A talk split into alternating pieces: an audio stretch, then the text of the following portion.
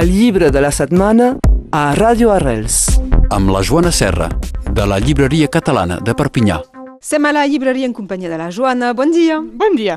Avui ens portes cap als Estats Units. Sí, perquè Ah, amb- amb l'autor. L'autor és d'allà, però no parla dels Estats Units, no tinc ni idea dels Estats Units.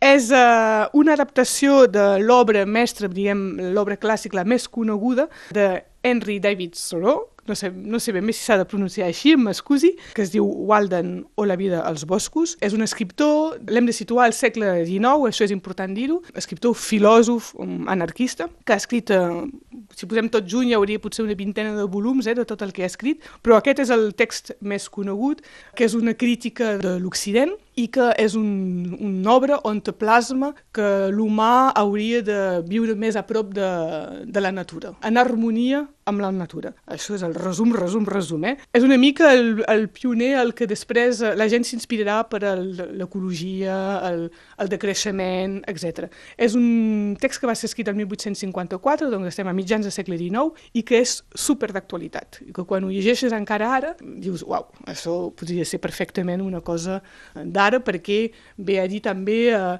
que cal ser allunyat de la tecnologia, quan al segle XIX... La Diguem, tecnologia era el telèfon, eh, la mateixa que, que la que tenim actualment, el telègraf.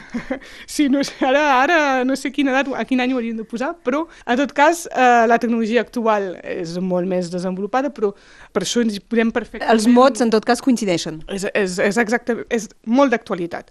Això és una edició, és accessible, és a dir, el textos de Walden eh, o La vida dels als boscos, però és una edició que és seleccionada, hi ha els textos més importants d'aquesta obra, i adaptada al gran públic. És quelcom accessible a joves, a públic gran. És veritat que en general la gent li costa, a part la gent que estudia filosofia, al gran públic, sense ser despectiva amb això, li costa comprar llibres de filosofia, i això és una molt bona introducció a la filosofia doncs, eh, d'aquest autor dels Estats Units. Uh, hi ha, a més a més, és el petit plus, però és un fe- feble per mi, il·lustracions de l'Ignasi Blanc, que és un il·lustrador molt conegut a, a Catalunya, que és de les Terres de l'Ebre, que quan veiem els seus dibuixos s'identifiquen de seguida, sabem que és la seva obra, i que acompanyen doncs, aquests textos i que a mi m'agrada molt i llavors m'ha semblat, mira, eh, trobo molt, molt adequat. Simplement dir doncs, això, que és una bonica introducció i fàcil introducció a la filosofia d'aquest uh, autor dels Estats Units. Mm, volia dir també una de les altres obres més conegudes és la desobediència civil, que és una obra que també s'ha posat molt al dia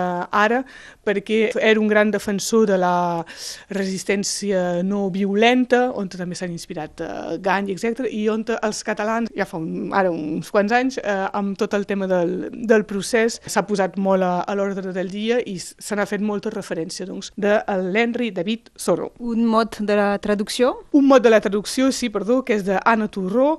El pròleg i l'edició doncs, qui ha fet la selecció dels textos és de Gavi Martínez i va acompanyat d'il·lustracions d'Ignasi Blanc i és publicat a l'editorial Cossetània. Gràcies, Joana. A vosaltres.